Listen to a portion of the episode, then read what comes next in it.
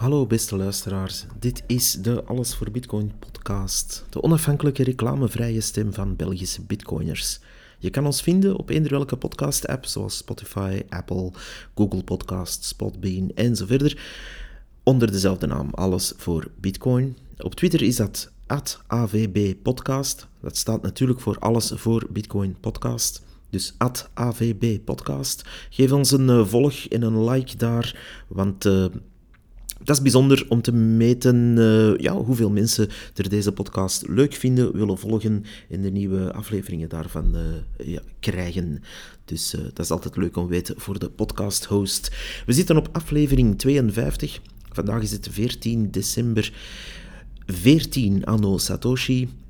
De blokhoogte, dat is op dit moment 700.787. 767.385. Vandaag is het uh, ook zo dat uh, we een kleine prijsactie hebben gezien. 1 bitcoin is 17.916 US dollar, oftewel 16.820 euro. En dat is dan weer goed voor 3656 Big Macs. We gaan vandaag in snel tempo over enkele nieuwtjes gaan. Dat is al een tijd geleden dat we dat hebben gedaan.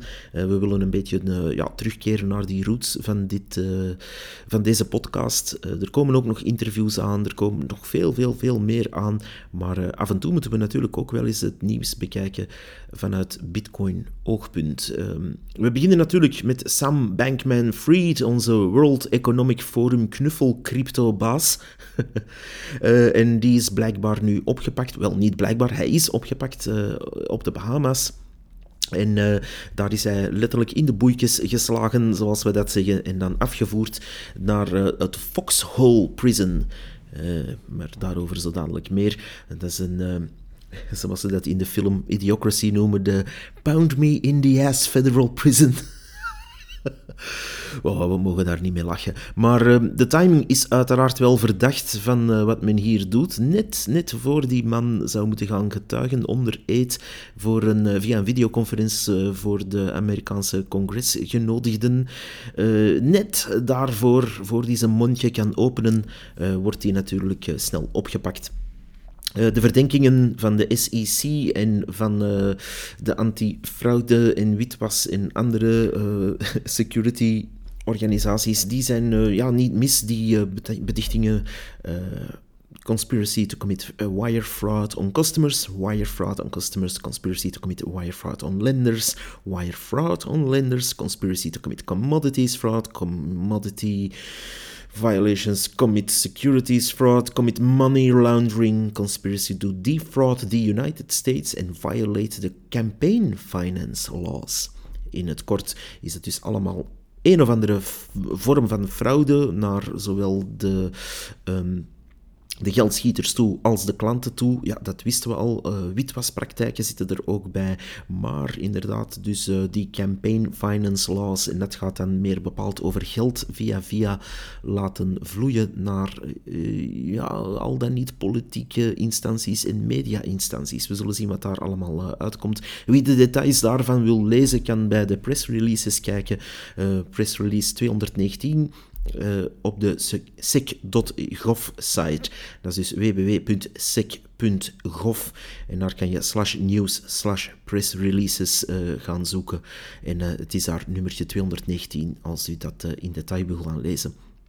Om aan te tonen hoe corrupt deze boel wel was, en dan bedoelen we dus FTX en de Almeida Research uh, bundel, dan het, kwam het vandaag eigenlijk nog uit dat die Almeida Research een zekere voorrang had in de algoritmes op de orders die werden uitgevoerd op het FTX Exchange platform. En zo konden ze dus met andere woorden gaan frontrunnen voor alle betalende klanten uh, en uh, de goede trades eerst doen wanneer er trends duidelijk werden. Uh, dat is natuurlijk gewoonweg ja, niet mooi, om het te zeggen. Um, en daarna pas werden dus de trades van de gewone klanten uitgevoerd. Walgelijk, maar ja, wat kan je ook verwachten van een exchange die opgezet werd als een gigantische honeypot in aanval op Bitcoin? Want dat is wat er hier natuurlijk overduidelijk aan de hand was en is. Dat is toch onze mening. We zullen ook zien of deze useful idiot, uh, Sam Bankman-Fried, uh, of die, uh, hoe die het ervan afbrengt. En useful idiot is geen, geen belediging, maar dat is eigenlijk een oude term uit de Koude Oorlog, waarbij er eigenlijk altijd wordt gezocht vooral vanuit communistisch oogpunt, naar mensen die net genoeg geloven in de ideologie om erin te trappen maar ook uh, dus slim genoeg zijn, dus eigenlijk om daarin te tuinen, in die ideologie te verdedigen en, uh, laat ons zeggen, het babbeltje te doen maar uh, dom genoeg zijn om niet door te hebben dat ze eigenlijk een pion zijn in een groter geheel en eigenlijk wegwerpmateriaal zijn. Dat is uh, ja, useful idiot, moet het maar eens opzoeken. Dat is wel mooi. Het is duidelijk dat hij ja, dat wel is en een smak geld kreeg ergens in 2018 en opeens furoren maakte met vooral dan papieren bitcoins te verkopen in een compleet schabouwelijk slecht en amateuristisch georganiseerde organisatie met een hoop vriendjes en vriendinnetjes rondom hem en gewoonlijk eindigt het verhaal van zulke figuren niet echt op een uh, positieve en inspirerende manier, uh, om het zacht uit te drukken. Ik zou bijvoorbeeld geen vliegtuig willen nemen uh, waar die man op zit als hij wordt uitgeleverd aan de VS. want ja, er kan altijd wel eens een zeer, zeer lokaal onweersbuitje roet in het eten strooien op zo'n vlucht waar eh, een prominent iemand aanwezig is die zijn mond niet mag voorbij babbelen. Maar goed, je weet nooit waar bliksemschichtjes terechtkomen en... Uh, dat kan altijd gebeuren. Het feit is natuurlijk dat deze organisatie ook wordt beschuldigd van het uitgeven dus van geld om bepaalde media en bepaalde politieke campagnes in een bepaalde richting te sturen. En dat zou alles eigenlijk moeten zeggen waarom die timing van die uh, man zijn arrestatie zo raar is en uh, ja, het ruikt natuurlijk aan alle kanten naar uh, ja, overkoepelende organisaties of weet ik veel wie, WEF-achtige mensen die hierachter zouden kunnen zitten. Net om bitcoin te raken via valse prijszetting door paper bitcoins te verkopen die ze eigenlijk niet hadden. En aan de andere kant natuurlijk een win-win te creëren door ook nog eens tegelijkertijd hun totalitaire anti-mens-agenda er blijft doorpushen. Maar goed, uh, dat is allemaal koffiedik kijken. We zullen zien wat er echt van wordt. Um, hij zit dus in die Foxhole Prison. En als je die gaat opzoeken en daar eh, wat getuigenissen eh, over leest van mensen die daar eh, jaren hebben vastgezeten, dan is dat toch niet echt een plekje waar je lekker gezellig de kerstdagen wilt doorbrengen. Integendeel, dat is een plek waar mensen gebroken worden en mishandeld op allerlei manieren. Dus ja, ik denk niet dat dat de plek is waar die man per se wou terechtkomen. Maar goed, hij zit daar tot 8 februari al zeker vast. no bail. Dus die, ehm, die zien we al eventjes niet meer terug tot na de feestdagen en dan kan dat verhaal weer losbarsten. Mijn vermoeden is, maar ik kan natuurlijk de toekomst niet voorspellen. Ik ben, uh, ik ben geen beursspecialist die vaak in HLN opduikt, die de toekomst kan voorspellen met een glazen bol. Um, maar uh, ja, we kunnen toch gaan fantaseren dat die man misschien wel eens een ongelukje zou kunnen meemaken in een van de gevaarlijkste uh, gevangenissen van de wereld. Maar goed, uh, we hebben ook weer quotes van uh, meneer Fabio Panetta. Dat is ongeveer een, uh, een wekelijkse gast in onze podcast ondertussen. deze keer duikt hij ook weer op in de promotiecampagne, of in de PR van de ECB. Breed glimlachend gaat deze man er nu prat op dat hij ja, ons moet binnenloodsen in het tijdperk van de digitale permissiejetons. De digitale euro die moet in onze maag gesplitst worden. En hij zei onder andere dat het geloof in geld dat geprint wordt door uh, de ECB uh, of door een unie veel meer betrouwbaar is dan in zijn opinie een religieus geloof in een wiskundig model. En uh, dat zo'n man zijn lach ondertussen kan inhouden is eigenlijk bewonderenswaardig. zijn letterlijke quote is: The crypto crash has served as a cautionary reminder that finance cannot be trustless and stable at the same time. Trust requires transparency, regulatory safeguards and scrutiny. End quote. Ja. Dus uh, ja, finance, dus ja, cautionary reminder, finance cannot be trustless. Uh, kom aan, jong. We, we sluizen miljarden heen en weer elk jaar via bitcoin op een trustless manier. Het gebeurt al. Finance kan trustless zijn. Um, maar het kan niet tegelijkertijd stabiel zijn. Oké, dan gaan we even kijken naar jullie euro, die dus uh, ja, wel trustless zou moeten zijn, maar het eigenlijk helemaal niet is. lees, mensen sleuren met koffers zwart geld heen en weer. En het, stabiel. We verliezen momenteel elk jaar tussen de 8 à 12 procent aan koopkracht als dat stabiel is. Maar goed, uh, dus die man uh, die raaskalt, misschien wordt het ook wel eens tijd dat hij vervangen wordt door een meer performant iemand. Want uh, zelfs vanuit het oogpunt van de ECB is hij vaak aan het raaskallen, vind ik. zeker wat hij daar zegt, dat bijvoorbeeld ja, energie-intensieve crypto, zoals bitcoin, hebben volgens hem geen waarde en het is allemaal blind geloof in een algoritme ja, uh, ik vind een algoritme geloven nog steeds wel uh, meer waardevol dan uh, bijvoorbeeld geloven in mensen die in juweeltjes worden betaald en gouden munten uit Qatar. Maar goed, ieder zijn ding waarschijnlijk. We gaan naar het volgende item, dat is Binance. Jawel, uh, Binance, de grote exchange, de, de numero uno eigenlijk, met heel veel macht. Er is uh, de laatste 24 uur zo'n uh, 2000 bitcoin uitgehaald. Withdrawal gaat vlotjes daar. En men heeft dus eigenlijk ja, moet ik het zeggen, een, een soort bankrun daar uh, in gang gezet. Dus de klanten zijn eigenlijk uh, hun spullen die ze daarop hebben staan, zij het eh, USDC of Bitcoin of wat je daar ook op hebt, gaan beginnen afhalen. Dat is op zich goed en we raden dat nogmaals aan. Ik denk dat ik dat al vaker heb herhaald. Als u nog dingen op een exchange hebt staan die niet strikt nodig zijn om om te ruilen, uh, ja, haal die er dan af zo snel mogelijk, want alle exchanges zijn eigenlijk in gevaar. Willen we daar paniek mee veroorzaken? Nee, we willen daar net paniek mee voorkomen. In totaal is er zo'n 2 miljard dollar uh, door die Binance Exchange afgehaald, door zijn klanten bedoel ik. En uh, in de laatste dag. En een en ander is dus dat uh, die bankrun die bezig is. En dat kwam dan weer door een nogal rare audit die gebeurde. Uh, een audit die eigenlijk moest bewijzen dat ze in tegenstelling tot FTX wel degelijk bitcoin in kas hadden. Nu, dat is ook zo. Maar uh, zo blijkt, die 101% collateral die ze hadden, die tegenhangende waarde die ze in kas hebben, dat klinkt allemaal goed. Maar daar zaten toch enkele alarmerende elementen in. Zo is er een zekere John Reed Stark, een uh, senior lecturing fellow, bla bla bla, en een voormalig uh, chief of Securities Exchange Commission. commission. En die, uh, die man die zit er al een 18 jaar in en die zei van kijk, de Binance Proof of Reserve, dat report, dat report, dat is eigenlijk niet zo fraai, want dat gaat eigenlijk niet praten over die interne financiële controle die er moet uitgeoefend worden bij zulke organisatie. En we, ja, we hebben eigenlijk geen verdict daarover te zeggen. Dus die assets die zijn er wel, maar de, de liabilities en, en hetgeen dat daar tegen hangt en hoe dat gebruikt wordt, dat is eigenlijk niet zo duidelijk.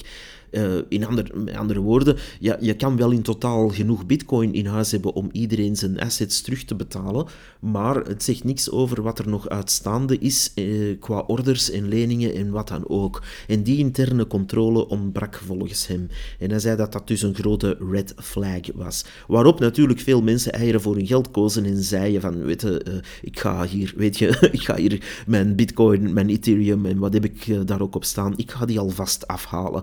En dat is alleen maar aan het versnellen.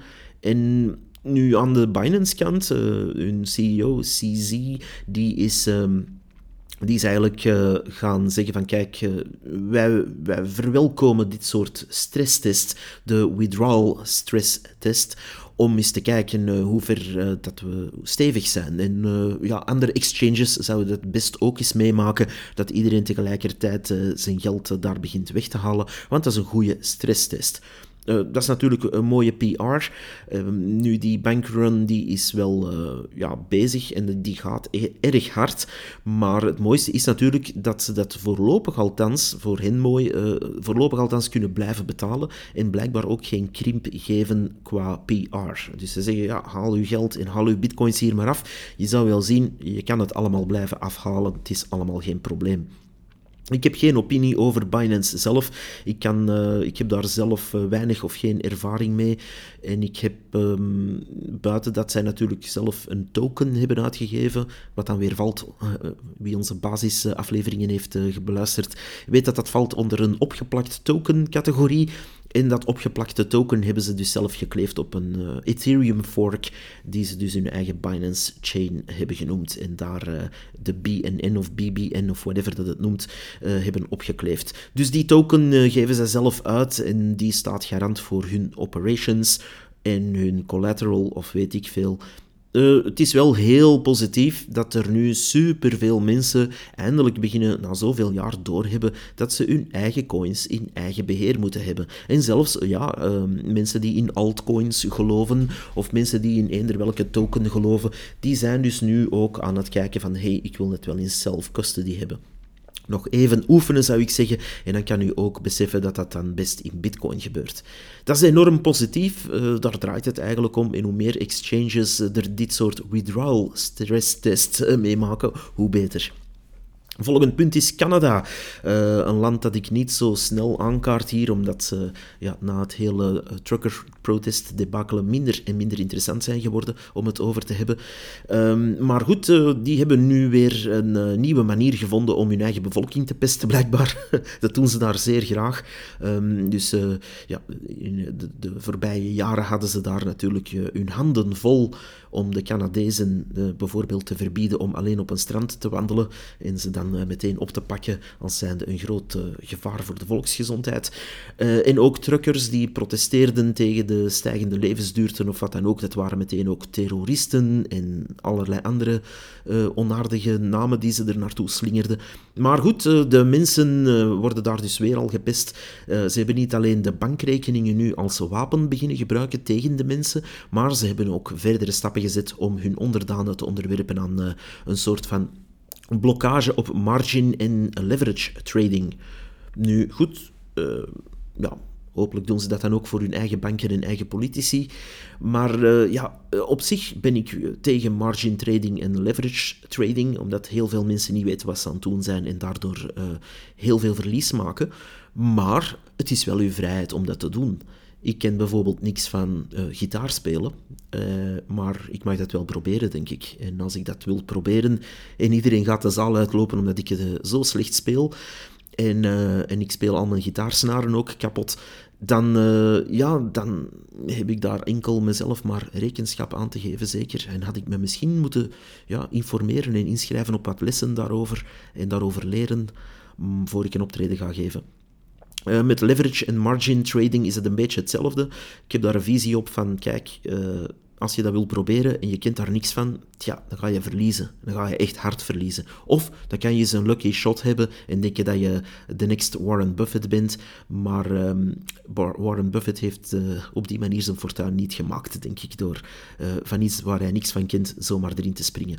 In ieder geval, uh, het is niet aan de overheid, en in dit geval de overheid van Canada, om even die onderdanen te gaan verbieden om binnen de cryptowereld te gaan margin of leverage traden. Eh, daarmee maak je niet alleen uh, ja, heel die techsector kapot en heel die cryptosector kapot, uh, maar daar ga je eigenlijk ook de vrijheid weer inperken van je eigen burgers. En dat is eigenlijk niet zo, zo fraai. Je kan natuurlijk wel een campagne opzetten en zeggen, hey, kijk eens mensen, leverage trading is vrij gevaarlijk. Dat staat uh, elke staat natuurlijk vrij om hun burgers te proberen behoeden voor iets. Maar dat uh, outright gaan verbieden, tja, eigenlijk zit Canada hier een beetje reclame te maken voor Bitcoin onrechtstreeks. Want hoe meer ze dit soort restrictieve zaken gaan opleggen aan hun eigen bevolking en hoe meer ze bankrekeningen daar als wapen gaan gebruiken tegen eender wie zijn mond durft open doen over iets, hoe harder mensen gaan nadenken over ja, heb ik die staat nog wel nodig? Uh, waarom gaat die staat mij in elke stap dat ik zet in mijn leven gaan begeleiden, beschermen, wijzen op wat ik moet doen, nudgen? We zien dat hier in Europa ook uh, opduiken. Achterin kan je nog niet uh, ja, meer eten wat je wil en zelf beslissingen nemen. Dat men mensen informeert, daar heb ik absoluut geen probleem mee. Maar dat men gewoonweg een outright ban doet op iets, vind ik uh, er wel over. Als u dat dan toch doet, moet u daar een hele, hele, hele goede reden voor hebben. Bijvoorbeeld als daar, uh, ik zeg maar iets, heel veel mensen uh, mee in levensgevaar komen, bijvoorbeeld, dan kan je daar wel een halt toe roepen. Dat is ook de taak van een overheid om de bevolking daadwerkelijk echt te beschermen en te behoeden voor iets desnoods door bans uh, in te lassen. Maar ja, er gaat uh, Er gaat nog wel uh, ja, wat inkt overvloeien, denk ik, daar in Canada. Want daar zijn ze wel erg ver aan het gaan in draconische maatregelen tegen hun eigen bevolking. En voor het volgende punt, ja, ik doe normaal geen price calls, dat weet u, over uh, de bitcoinprijs, maar, hè, want dat soort dingen laat ik over aan de pump en dump mensen die uh, in het laatste nieuws hun volgende DJ-set komen promoten. Maar uh, ik wil wel een bedenking toevoegen over de prijsactie van bitcoin momenteel.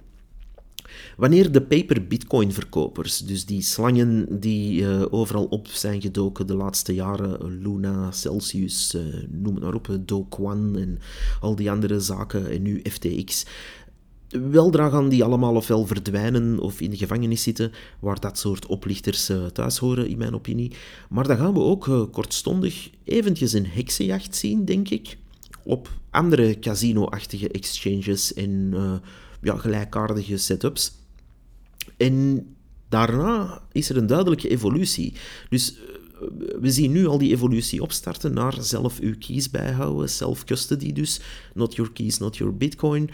Um, en tegelijk zien we ook initiatieven opduiken die een gedecentraliseerde versie van die exchanges gaan opzetten, die wiskundig onderbouwd zijn met goede geaudite contracten en waar vanzelf een nieuw soort beurzen zullen ontstaan, uh, die ja, eerlijker verlopen en waar geen centrale figuur op een amateuristische manier in Excel uh, de private keys bijhoudt van mensen hun, hun wallets, zoals bij FTX. Dus daar ligt onze toekomst, denk ik. Maar denk ook aan de schaarsheid van Bitcoin. Daar wordt wel eens uh, aan voorbij gegaan. Intussen zijn er ongeveer 90% van alle Bitcoins al uh, gemined, in omloop dus, op een of andere manier.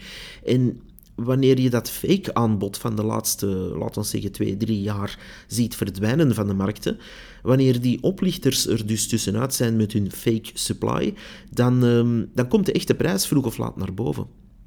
En uh, bepaalde mensen hebben dan uh, berekend dat er ongeveer 29 miljoen bitcoin zou uh, aangeprezen worden op al die exchanges ter verkoop. En er is maar 19 miljoen bitcoin in omloop. Dus ja, iemand zit er daar te voeteren en iemand zit daar de prijs vervalst eigenlijk op te... Allee, eigenlijk naar omlaag te trekken door de supply artificieel hoog te houden, hoger dan dat hij officieel kan zijn. Dus um, we gaan daar nog wel uh, wat, uh, wat spanningen zien. Maar we gaan ook stilaan dus de echte prijs van bitcoin zien terug naar boven drijven. En uh, het enorme nadeel is dat onze vijanden, en de vijanden van vrije handel en eigen redzaamheid van de bevolking, zoals de ECB, zich verder gaan moeien en dat ze dus proberen het kind met het badwater te gaan laten weggooien door de bevolking. Van oei, die, die shitcoin casino's, al die mensen zitten nu in de gevangenis, wees gerust, we hebben u mooi beschermd tegen de Sam Bankman-Fried eh, mensen van de wereld. We hebben u daar mooi tegen beschermd en ondertussen is die stoute, stoute bitcoin, die echte proof of work, die hebben we mee uh, gebannen. Die hebben we mee in het verdoemhokje geplaatst. Dus wees maar, wees maar goed, uh, bevolking, wees maar braaf. En hier is uw CBDC kermistoken, waar we als een, uh, ja, een organisatie één grote, enorme Sam Bankman-Fried kunnen spelen voor u echt tussen aanhalingstekens geld. Uw dagelijks brood kan u dan kopen als wij dat nog goed vinden. En dat is met andere woorden een oorlog die nu in volle snelheid op gang is aan het getrokken worden. De snelheid van echte bitcoin-adoptie gaat lijnrecht tegenover de snelheid van de installatie van een totalitair regime staan, naar mijn opinie. Want dat is hun enige uitvlucht. Wanneer je de vanzelf ontstaande consensus tussen mensen over wat geld is gaat manipuleren, dan moet je het gaan forceren. En dat forceren kan je op allerlei manieren, maar uiteindelijk komt dat altijd neer op een vorm van totalitair regime. En dat, uh, dat zie je gebeuren in Canada en nog in andere landen. En dat, uh, ja, zo eindig je met de CBDC met een token met een vervaldatum, zodat je zeker niet kan sparen voor je nageslacht terwijl Bitcoin natuurlijk geen houdbaarheidsdatum heeft. En dat kan dus niet door China of door Canada of door Europa zomaar uh, aangepast worden. En daar zullen ze een wereldwijde aanpak voor nodig hebben, willen ze die agenda er ook uh, doorduwen naar hun zin. En dat kan dan weer alleen wanneer dat ze een uh, one world government zullen installeren. En dat zijn ze wel degelijk aan het proberen, denk ik. En daar gaat ook wel zeker protest tegenkomen, hoop ik dan toch. Dus die prijsactie van Bitcoin is nu, in mijn opinie, aangekomen bij een scharnierpunt. Zoals ik al eerder zei, Bitcoin gaat niet een beetje waard zijn hè, binnen enkele jaren. Het zal ofwel falen en zo goed als naar nul dalen, of onbruikbaar worden op een of andere technische manier, ofwel naar meer dan 300.000 euro per stuk gaan stijgen in de komende jaren. Daartussen ligt er eigenlijk eh, enkel prijsontdekking. En die prijsontdekking gebeurt via de markt. En die markt die is ondertussen meer en meer een, eh, ja, een ware oorlog aan het worden tussen eh, de voorstanders van dat totalitaire regime en de voorstanders van consensusgeld en permissieloos transacten. Nog een extra bedenking die ik wil meegeven aan de bitcoiners onder jullie die er ja, elke dag met de neus op het nieuws zitten ik hoor soms wat negatieve geluiden. En dat is normaal. We zitten in een bear market nog steeds. We hebben heel wat klappen te verwerken gekregen uh, die het imago van bitcoin of crypto uh, schaden. We hebben de hele crypto-bubble gedoe in de mainstream media, waar men allerlei randfiguren en nitwits en fake specialisten bovenhaalt. We hebben het allemaal wel gezien. We hebben de tulpenmania-bubble ook nog eens bovengehaald gezien, hoewel dat daar meer en meer bewijzen beginnen zich op te stapelen dat het allemaal fake is. Dus eh, dat is het mooie. Dus men, zegt, ah, bitcoin is allemaal fake, het is allemaal tulpenmania. En dan blijkt eigenlijk die tulpenmania zelf fake te zijn. Ik vind het prachtig. Daar ga ik ooit eens een aflevering over maken om dat helemaal uit te spitten. Want daar zijn een aantal eh, hele mooie historische studies over aan het uitkomen. Uh, hoe dat exact is ontstaan en waarom iedereen denkt dat er zo'n tulpenmania ooit was. Dus um, maar daar wil ik me echt wel nog, nog eens achter zetten om daar een aflevering over te maken. Maar goed, dus denk dus niet, bitcoiner, dat er aan de andere kant bij de Europese instellingen het allemaal uh, leuk is en dat het bij bijvoorbeeld de ECB zo'n roze geur in maneschijn is. Want daar heeft men ook duidelijk wel wat problemen. En die problemen uh, blijven zich opstapelen en die hebben vooral te maken met de, te maken met de stabiliteit en het niet laten ondergraven van hun, ja, laat ons zeggen standvastig systeem. Eh, ze zitten daar met 3500 mensen te werken. Ik vraag me dus echt af wat die allemaal zitten te doen daar. Maar goed, uh, er zal veel koffie gedronken worden, vermoed ik, en broodjes gegeten aan uh, eh, 16 euro het broodje. Want ja, je moet natuurlijk geitenkaas met nootjes, honing en de beste sla uit het Andesgebergten of zo opeten. Om sterk en gezond te kunnen oordelen over iemands geld. Maar die ECB die hebben ook dus een, uh, hun problemen. En het feit dat ze zo'n marketingcampagne als de laatste weken laten voeren in de media om hun idee en hun zwendel te blijven verkopen aan een zo breed mogelijke bevolking, die... Uh, ja, die, dat zijn indicatoren eigenlijk dat ze die CBDC kosten wat kost moeten gaan doorduwen om te overleven. En ik heb hier een uh, stukje van uh, van hoe zij denken. En het, is ook wel duidelijk dat zij ook een operatie GUT 2.0 zijn aan het uh, voorbereiden. Daar heb ik het een tijd geleden over gehad, die operatie waar men eigenlijk al het geld en aandelen en uh, andere beleggingen ging vervangen door nieuw geld. En die weten wel echt dat ze met problemen zitten. En u moet ook eens indachtig zijn, wat zijn onze tegenstanders daar? Wie zijn dat precies en hoe leggen zij dingen uit? En er wordt vaak gezegd, bitcoiners, ja, die kunnen eigenlijk heel moeilijk bitcoin gaan uitleggen aan mensen. Dat is altijd zo wat moeilijk en stuntelig. Wacht maar tot u een zekere meneer Praat bezig hoort, top-econoom van de ECB. We gaan even luisteren hoe die fiat uitlegt. How you create money is very simple. We create money uh, electronically, if I can say. Uh, we uh, credit accounts of, well, that, that people will not understand again. Uh, I, it's an image, you know. So I mean, this is off now. Huh? Uh, I could say I, I print banknotes, but it's an image, you know. It's not the way we do because it goes via the banking system. Uh, so, um, but couldn't you, couldn't yeah, how, how would you say I that? Mean, we, because we, we lend, we lend. Nah, but lend, lend. No, no, it's it's not wealth. It's no, we create money. It's it's yeah, not yeah, lending money. We create money. We lend to commercial banks. and the, the, the, the, the, the, um, the, the moment of, of this lending creates the money. No, no, but that, no, no, no, no. I see what you mean. But it's not even true what you say. When you've let me let me give the uh, we are not. Um, that's the classical way. Nobody is going to understand what you say. But the normally uh, it's, it's I would just think about the situation. I print banknotes. I just in my office I print banknotes, and with these banknotes I will buy you something, and I, I give you this banknote, and you give me a bond that you have bought before. You have a, a you know, you have a, a treasury bill, you know, in your investment, or uh, and then you you sell it to me, and I give you cash which I have produced. But we do that electronically. Ja, but we do that electronically. So, dus de, deze meneer probeert hier uh, een beetje uit te leggen hoe ze eigenlijk geld gaan creëren en dan eigenlijk injecteren in de economie via de commerciële banken vooral. Om dat dan te laten opbrengen door ja, wat u allemaal produceert en koopt en verwerkt en qua services aanbiedt in de economie, om dat dan te gaan terugverdienen, omdat er natuurlijk een meerwaarde wordt gecreëerd voor die maatschappij, waardoor dat de pie bigger wordt, zoals de Amerikanen zeggen.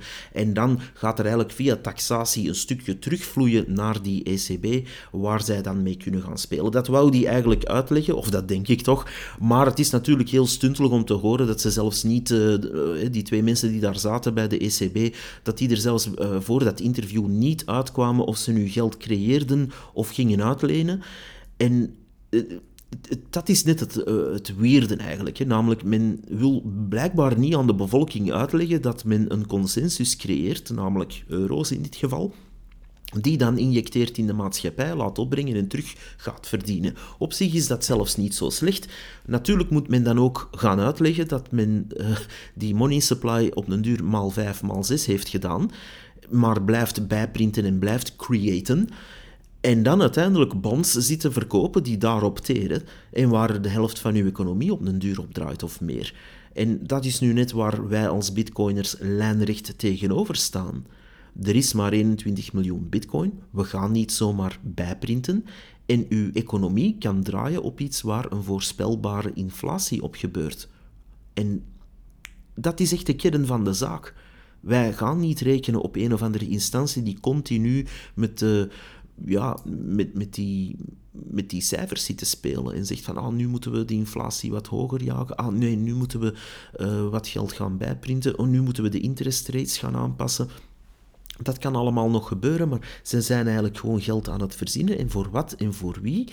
Om uiteindelijk het niet toe te laten komen aan de bevolking, maar via de wegen die zij kiezen te laten toekomen waar zij willen. En dat hangt natuurlijk af van het regime dat daar aan de knoppen zit, eh, wat natuurlijk ook ja, zijn politieke implicaties heeft. Dus als zij bijvoorbeeld zware vervuilende industrie willen steunen, of enkel mensen die bij wijze van spreken bieten kweken in hun eh, eigen voortuin, uh, zij gaan dat kiezen waar dat geld naartoe vloeit. Terwijl, ja, is dat uiteindelijk geen planeconomie aan het worden. Je hebt hier eigenlijk maar keuze tussen twee dingen. Ofwel ga je geld als consensus gebruiken en in een vrije markteconomie onderling gaan ja, permissieloos kunnen een, een transactie uitvoeren. Ofwel ga je afhangen van een systeem als de ECB, waar onze afdankertjes van de politiek hun oude dag gaan slijten, al dan niet hier en daar wat koffers met zwart geld uh, heen en weer sluizen, en ondertussen ja, die supply gewoon bijverzinnen waar we bij staan, terwijl onze economie aan alle kanten vierkant draait. En daar staan wij tegenover met de Bitcoin-standaard, waar je eerlijk geld hebt, dat eerlijk kan verdeeld worden en waar je proof of work moet leveren, waar je het werk moet doen om het netwerk te beveiligen en waar je werk moet doen om het te verdienen en te hebben. En waar je niet zomaar kan zeggen, hey kijk, ik heb er weer eens een miljoen bij verzonnen, let's go shopping dat is het grote verschil. Je hebt dus de keuze tussen die oude economie van de Europese munten, die allemaal samengeklit zijn tot die Europese instellingen, die ondertussen echt wel aan het wankelen zijn, hun ding niet meer stabiel krijgen, de inflatie uh, laten de pan uitswingen en noem het maar op. En waar we dan nog eens de bemoeierij en de privacy issues erbovenop krijgen. En Bitcoin die u vrijlaat en zegt van oké, u hebt hier, uh, ik zeg maar iets, een service geleverd en u wordt daarvoor betaald met echt geld, echte waarde, waar iedereen in consensus mee is. En waarde heeft echt en beveiligd wordt. En u zelf in handen hebt vooral. Waar u niet moet afhangen van oei, werkt mijn app morgen nog, want ik ben lid van de verkeerde vakbond. Of ik, uh, uh, ik, heb iets fout gezegd op sociale media. Of ik heb te veel chips gegeten gisteren. Dat soort onzin komt er allemaal aan. Bitcoin kilt dat allemaal. Walst heel die bezooi gewoon plat. En daarom winnen wij en daarom zijn wij altijd sterker aan het worden, omdat wij permissieloos echt geld zijn en de ECB ja, een hoop uh, broddelende mensen zijn die met 3500 man eigenlijk nog geen definitie van hun eigen fiat-systeem kunnen uh, ja, formuleren. Dat was hem voor vandaag. Je kan deze podcast ook steunen. En dat is uh, best gedaan via allesvoorbitcoin.be. Uh, als u naar die uh, website gaat, dan komt u bij onze feeds terecht. de RSS-feeds en de podcast-feeds. Maar daar staat ook hoe u ons kan steunen. Dat kan via bijvoorbeeld GetAlbi of via coinos.io slash allesvoorbitcoin. Wat u ook kan doen, is bijvoorbeeld de app downloaden die Tweetoshi noemt dat. T-W E-E-T-O-S-H-I geschreven. Tweetoshi, dat is eigenlijk een eh, Twitter-client waar een uh, wallet voor Lightning mee ingebakken zit. En ik vind dat eigenlijk een prachtig systeem om bijvoorbeeld dingen te liken, maar als het echt uh, heel tof is of uh, goede informatie is, kan u daar een beetje uh, sats aan hangen. Ik vind dat altijd uh, heel tof om te doen van die micropayments. En ja, dat kan u misschien eens proberen. In ieder geval, wij zitten daar ook op. Wat u ook kan doen is ons steunen. Denk ook aan de Bitcoin Meetups. Uh, Belgian Bitcoin Embassy heeft elke maand een meetup. U kan dat vinden op hun homepage. Google gewoon Belgian Bitcoin Embassy en dan uh, komt u op hun homepage en daar staat die kalender op. U kan dat zelf uh, bekijken en eventueel plannen of afkomen. En verder, steun elkaar zou ik zeggen. Bitcoin-gebruikers zullen het eh, niet moeten hebben van de grote media of van een of andere overkoepelende organisatie. Wij moeten dat allemaal zelf doen. Zelfbeheer is belangrijk, maar ook alles zelf doen is belangrijk. Proof of work moet je ook serieus, serieus nemen. Um, ik maak deze podcast, dat is mijn stukje proof of work. En als jullie ook jullie stukje proof of work doen, zoals um, ja, een beetje reclame ervoor maken of een beetje de links sharen of wat dan ook, onder bepaalde posts kan u altijd zeggen, hey kijk, hier is een goed onderwerp daarover, of hey, deze podcast heeft er iets uh, over gezegd in die aflevering. Gebruik ook die basics die ik heb gemaakt. Die basic afleveringen, dat kan je soms ergens kwijt als er iemand uh, de bal compleet mislaat over iets en kan u dat daaronder posten. Jullie zijn mijn marketingteam, want ik heb geen marketingteam en ik ben zelfs uh, heel, heel slecht in marketing zelf, omdat dat altijd uh, ja, een kwestie is van hoeveel geld smijt je er tegenaan en uh, waar, in welke kanalen kan je je tussen murwen. En daar ben ik niet mee bezig. Ik ben bezig met inhoud te maken, of toch, dat probeer ik. En uh, zo heeft ieder zijn specialiteit, zal ik zeggen. Uh, skills en Bitcoin, dat gaat de komende jaren heel bijzonder worden. En skills, dat kan allerlei dingen zijn. Of u nu goed bent in uh, iets verbouwen, of u nu goed bent in iets te repareren, eten klaar te maken. Of een andere skill waar u zegt van, hey, hier blink ik in uit. Probeer dat eens te koppelen aan Bitcoin. Probeer eens echte waarde om te ruilen voor echte skills. Probeer eens echte services, echte dingen die u maakt om te ruilen voor Bitcoin. En dat is een, een raar gevoel. In die zin, mensen die in de fiat-wereld zitten, die zijn altijd zo onderdanig. Ze van, oh, oh krijg ik, krijg ik mijn, mijn centjes wel? En, en, en ga ik wel mijn service mogen aanbieden om iets terug te krijgen? En in Bitcoin heb je dat gevoel minder. Daar doe je gewoon iets en krijg je echte waarde in ruil. En die echte waarde blijft ook ja, voortdobberen. En hoe langer die u, bijhoudt, u die bijhoudt, hoe beter eigenlijk. En dat is het omgekeerde met de fiat-wereld, waar je zich krom werkt en altijd minder en minder kan kopen. In ieder geval, dat was hem voor vandaag, aflevering 52. See you later. Bye bye.